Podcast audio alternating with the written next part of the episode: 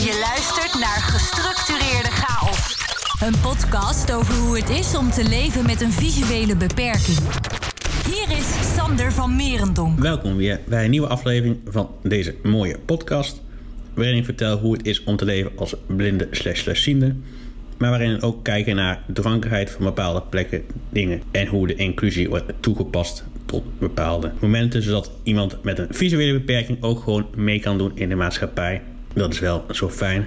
Zodat deze zich ook gewoon als een gewoon mens voelt. Tenminste, dat lijkt me voor iedereen wel even zo prettig. Ook welkom nog aan de mensen die voor het eerst naar deze podcast luisteren. In deze podcast vertel ik over de dingen die ik doe, hoe je de dingen aanpakt en dergelijke. Tenminste, als je een visuele beperking hebt, tenminste, dat neem ik wel in ogenschouw daarbij.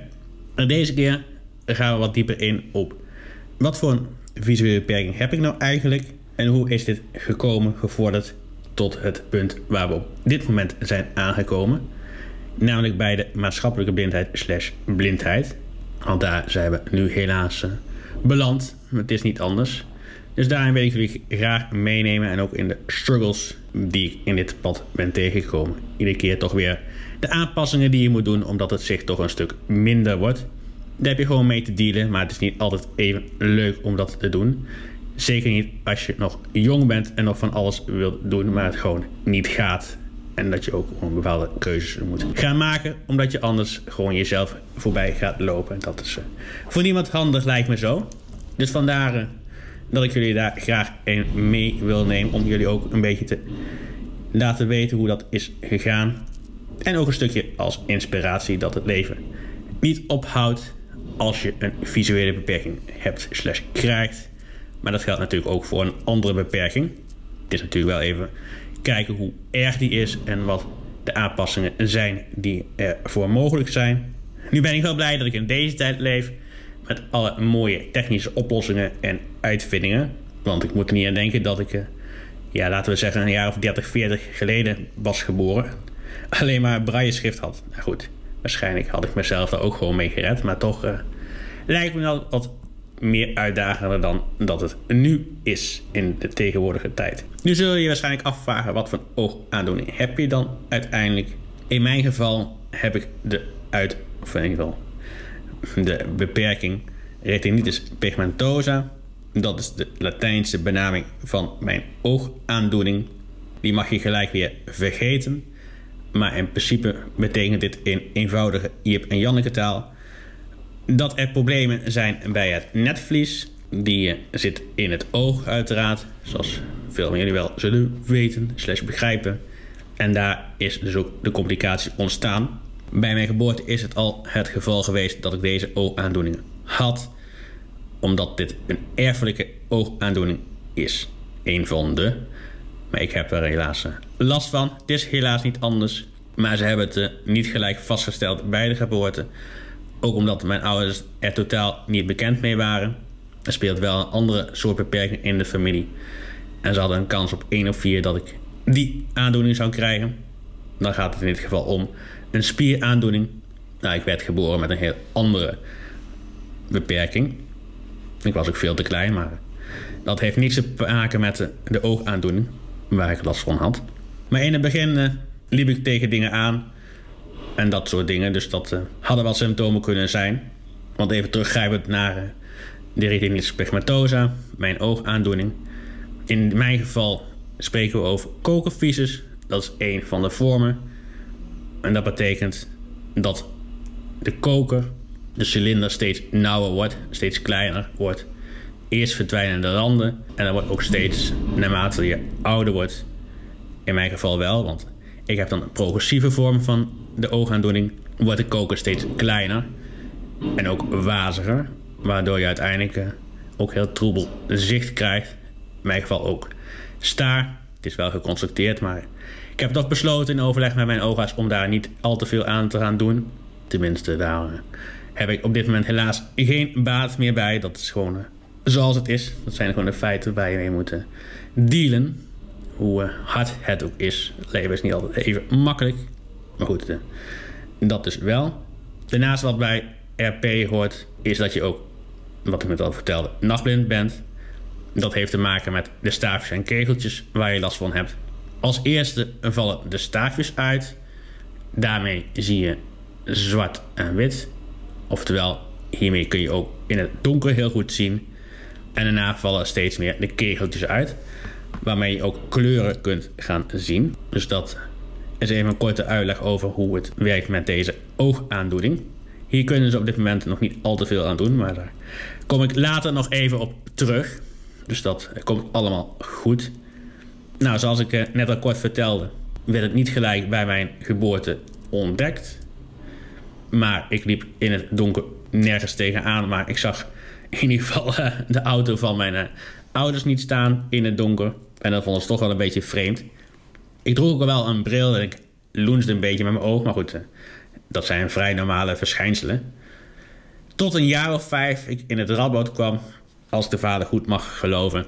En daar ontdekten ze dat ik een bepaald syndroom heb met de mooie naam Bardet-Biedel. Mocht je daar meer over weten, luister dan eventjes naar aflevering 22. Of als er veel vragen over zijn, dan maak er gerust een aflevering over. Ook geen probleem. Maar daarbij hoort dus in ieder geval de RP, retinitis pigmentosa. Dat is wel een van de vijf hoofdkenmerken. En dat syndroom hadden ze eerder kunnen constateren, maar ik werd niet geboren met een zesde vingertje of teentje. Dus vandaar dat ze het bij mijn vijfde pas hebben kunnen vaststellen. Nou goed, daarna kwamen allerlei oogonderzoeken en begeleidingsdingen bij Theofaan, Convergo, in ieder geval in Graven. Omdat mijn ouders natuurlijk ook uh, niet bekend maar met hoe ze hiermee om moesten gaan. Met iemand die uh, slecht zag. Dus daarom hebben ze wel wat hulp ingeschakeld. Ik heb de normale gewone basisschool uh, doorlopen. Ik had altijd wel een ambulant begeleider, dus dat, dat wel. De hulpmiddelen die ik daar ook had, was een hele grote tafel met een luciferlamp. Die had een mooie rode kleur. En in het begin zat ik ook best wel dicht bij het bord, zodat ik ook uh, goed kon zien. En ik vraag me af of ze toen al goede contrast gebruikten qua krijt. Of ik dat echt heel goed kon zien. En misschien ook wel. Want in het begin zag ik natuurlijk meer dan op latere leeftijd. Als ik mijn ouders mag geloven, zo'n 60 tot 40 procent. Dus dat is nog aardig wat. Aardig grote koken ook nog. En ja, ik speelde gewoon buiten. Ik rende en klauwde gewoon. Hoop kattenkwaad ook uitgehaald. Hele leuke jeugd gehad. Heel veel dingen ook beleefd. Dus dat is allemaal wel, wel fijn ook om op terug te kijken.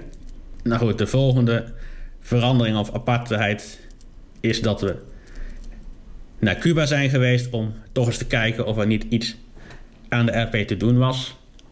Daar heb ik een operatie ondergaan om te kijken of het uh, kon verbeteren mijn zicht. Dit was een heel ingrijpende operatie. Hierbij, als ik me goed herinner. Ik heb wel een keer de video gezien, maar dat is ook wel weer heel erg lang geleden. Toen ik nog best heel goed kon zien. Hebben ze in beide ogen mijn oogflap, of in ieder geval, omgedraaid. Om er zo voor te zorgen dat het stil bleef staan. Slash vooruitgang kon krijgen. Helaas bleef het stilstaan. Nou goed, het is niet anders. Dit waren drie zware weken. Rare weken ook, want ik heb toch twee weken binnen gelegen. Ook een uh, anderhalve week met hele koude compress op. Dit was echt uh, altijd een heel groot drama om die dingen op te krijgen. Ik had er nooit zin in, vond het nooit leuk. Maar goed, je moet ook begrijpen dat ik toen pas een jaar of 7, 8 was. Dus ja, welk kind heeft daar wel zin in om dat uh, op te krijgen? En dingen waren ook heel koud. Dus het was nooit echt fijn om dat te doen. Nou, na die operatie zou ik ook bepaalde medicijnen moeten slikken. Ik heb ze meegekregen en ik heb die kuur toen afgemaakt, maar ook nooit echt vervolgd. Dus dat, uh, ja, mijn ouders hadden toen zoiets van, uh, dat heeft waarschijnlijk toch geen, geen zin. En ik was toen nog zo jong om daar, uh, nou, ik had er zelf nog niet echt veel weet van. Om daar echt een goede beslissing over te kunnen nemen op die, die leeftijd. Dus vandaar dat het zo is gelopen zoals het is gelopen, denk ik. De volgende stap is dat ik uh, natuurlijk in het donker heel weinig zag. Of niets in principe. Alleen maar lampen en licht. Dus daar kun je echt niet goed op oriënteren. Dus toen heb ik uh, via Converge Theofaan stokles gekregen. Eerst gewoon in het dorp. Of nou, eerst gewoon begonnen met hoe, hoe uh, hanteer je een stok? Hoe ga je ermee om? Mocht je willen weten hoe je dit allemaal oppakt, luister dan naar aflevering 36, waar ik uitgebreid vertel over hoe het is om met een stok te gaan lopen. Dit heb ik dus eerst in het donker gedaan in het dorp. Op bepaalde routes die ik moest doen in het donker ook. Ik zat toen bij een koor en dat eh, was altijd s'avonds. Ja, mijn ouders haalden me wel op. Maar goed, het was wel handig om daarna stok te gaan lopen. Gewoon vanaf daar naar eh, familie die ook in het dorp woonde. Dus dat was een korte route. Dus was er altijd een andere oefening. Goed, toen ben ik gelijk ook die stok gaan gebruiken overdag. Omdat het toch dan iets zichtbaarder is dat je een visuele beperking hebt. Ook voor de omgeving. Dat merk ik altijd toch wel. Dus dat is ook gelijk een tip van. Ook al uh, is het misschien heel lastig. Dat snap ik heel goed hoor. No problem. Maar voor je omgeving is het wel wat duidelijker dat iets met je ogen aan de hand is. Ook omdat mensen het niet aan mij konden zien. Wat begrijp ik nu nog steeds niet. Maar goed, dat is een ander punt. En dan wordt het wel wat duidelijker dat je tegen dingen aan kan lopen. En dat soort dingen. Of wat trager reageert door de stok die je bij je hebt. Dus toen ben ik daarna ook overdag stok gaan lopen. Omdat je daardoor ook een stuk mobieler bent. Uiteraard wat routes geleerd en dergelijke. Dat was aan het einde van de basisschoolperiode. Dus dat is ook wel zo'n uh, zo'n 20 jaar geleden. Dus ik loop al heel erg lang met een stok uh, overdag. Ik kan me haast niet meer herinneren dat ik niet met een stok liep. Dus ja, dat is uh, best wel lang geleden ook dan. Daarna ging ik naar de middelbare school. En daarvoor had ik wel een aantal hulpmiddelen bij me. Ik had een laptop ondertussen gekregen.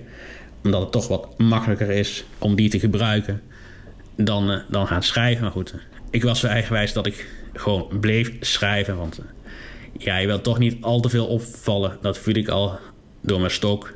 En dat ik er toch wat anders uitzag. Dus uh, daarom wilde ik dat achteraf, denk het niet. Of heb ik dat heel weinig gedaan.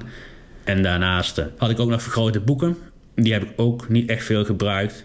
Ja, ook om dat soort redenen. Ik wil niet op, opvallen. Maar het huiswerk maken kostte wel heel veel energie. Ik was daar heel de tijd mee bezig. Dus qua energiebelasting had ik misschien beter wel hulpmiddelen kunnen gebruiken. Maar op die leeftijd nogmaals, in de puberteit, denk je daar gewoon niet bij na. En wil je gewoon zo normaal mogelijk doen.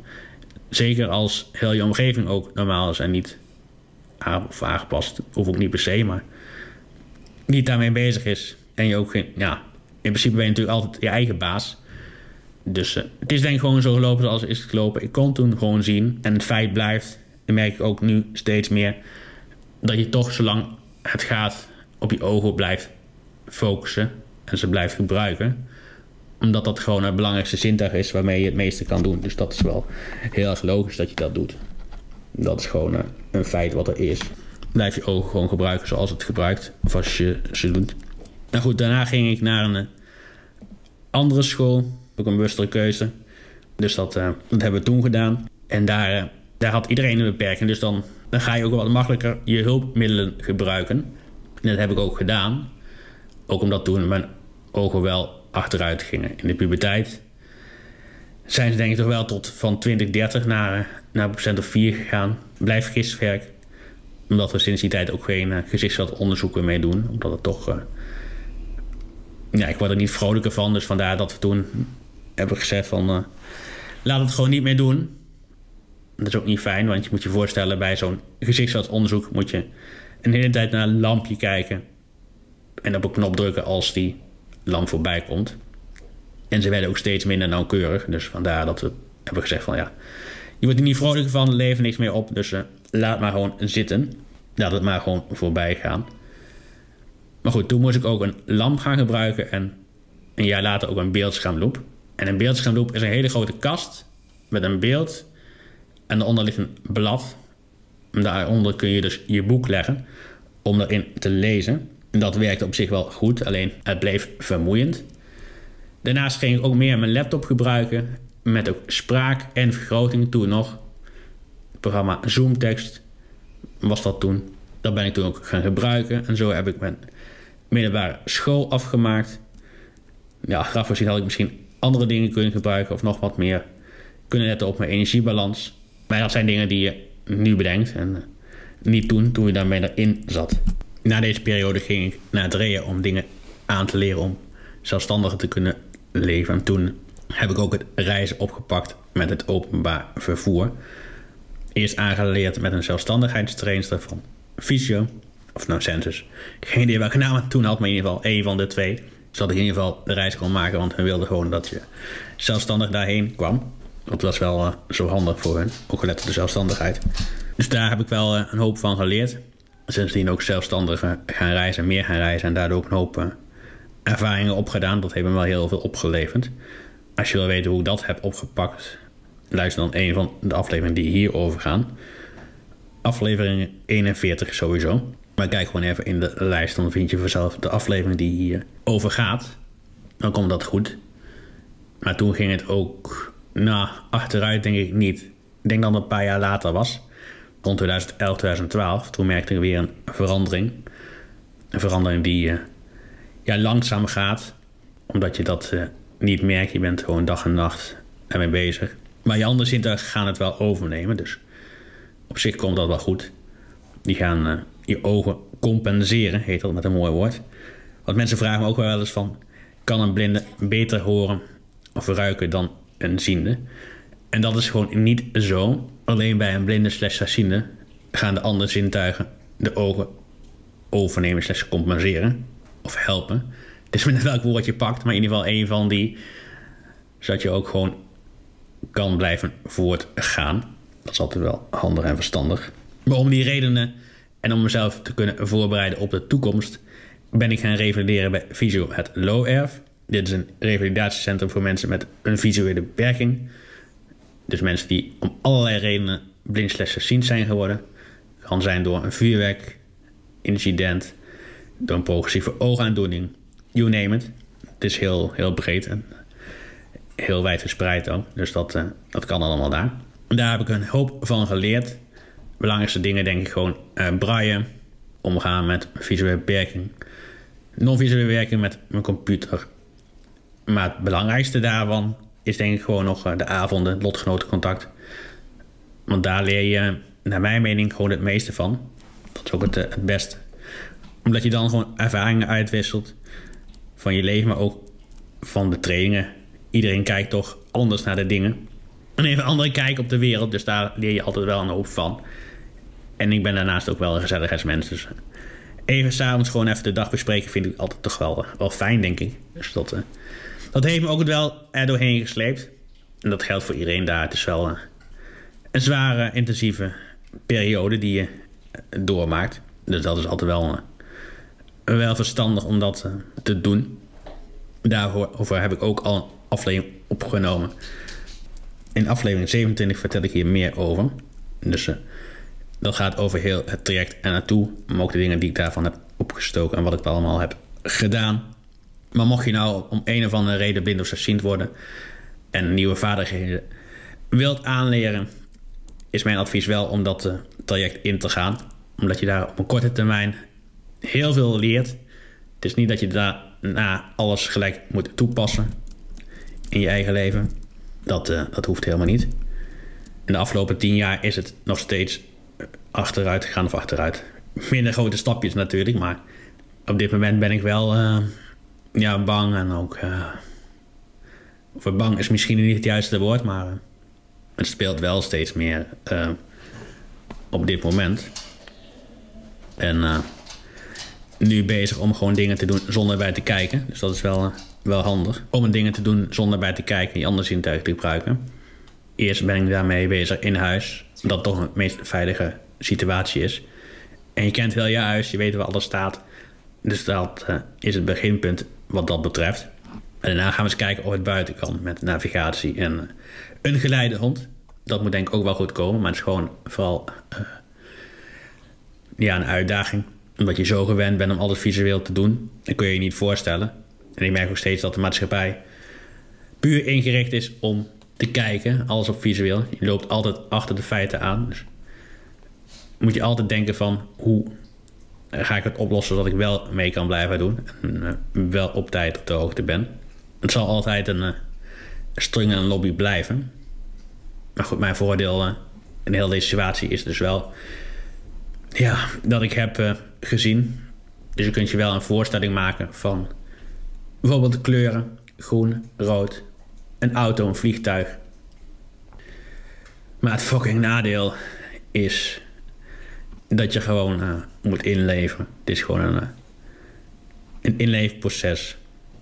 Dus iedere keer gewoon weer uh, de kracht en de acceptatie in de veerkracht vinden om door te blijven gaan. leven is gewoon te mooi om te laten zitten. Hier in huis is alles goed. Maar buiten is het wat lastiger en uitdagender.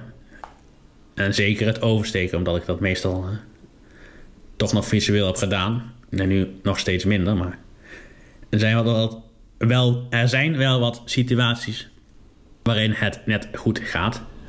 Dus dat is wel uitkijken en uh, soms beangstigend, maar ik probeer daar zo kort mogelijk bij stil te staan. Laatst had ik ook weer zo'n situatie met een scooter die uh, niet stopte. Ik stak wel keurig netjes mijn stok uit, maar uh, toch reed hij door. Kon net op tijd stoppen, dus dat zijn van die situaties die gewoon niet handig zijn. Dus na dit uh, verhaal hoop ik jullie geïnspireerd en geïnformeerd te hebben over mijn verlies. Of in ieder geval mijn pad vanaf mijn geboorte tot nu. Qua zicht en qua verlies hiervan. En uh, de situaties, fases die hierbij zijn voorgekomen.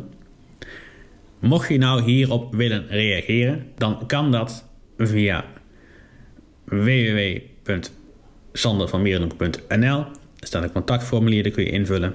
Je kunt ook reageren via de Facebookpagina van Gestructureerde Chaos op dit moment nog. Die gaat ook veranderen naar Sander van Merendonk, omdat dat eh, de overkoepelende naam gaat worden. Je kunt me ook een bericht sturen via Twitter. Dat is hashtag Van Meren. De podcast is ook te vinden op alle podcastplatforms. Apple Podcast, Spotify, Google. Op Apple Podcasts ga je gewoon naar gestructureerde chaos. Je vinkt daar volg aan en je hoeft geen nieuwe aflevering meer te missen van deze show. Op Spotify werkt dat hetzelfde en bij alle andere apps ook. De knop heeft daar waarschijnlijk wel andere naam, maar meestal wijzigt zich op zich vanzelf. Je zou ook een review kunnen achterlaten. Dat kan in Apple Podcasts door te zoeken op de show. Dus je gaat naar zoeken. En daar zoek je op gestructureerde chaos. Dan klik je de aflevering open, de, de podcast bedoelde ik. En dan ga je helemaal beneden en dan zie je beoordeel deze show. Daar kun je een mooie beoordeling invullen en een aantal sterren geven. Dat is altijd mooi. Mag je nou zeggen, ik wil deze show ook steunen door een fooi te geven, dan kan dat ook. Want deze show is niet gratis. Uh, er zijn ook een aantal kosten aangebonden. Dan kun je dat doen via www.fooienpot.com slash gestructureerde chaos. Daar wijst zich ook vanzelf. En vertel over het bestaan van deze mooie show aan je opa, je oma. Nou, iedereen in ieder geval die je mij kent. Zodat de boodschap zo wijd en verspreid wordt. Bedankt voor het luisteren naar deze aflevering van Gestructureerde Chaos. Niets missen van deze podcast? Abonneer je dan nu via de diverse platforms.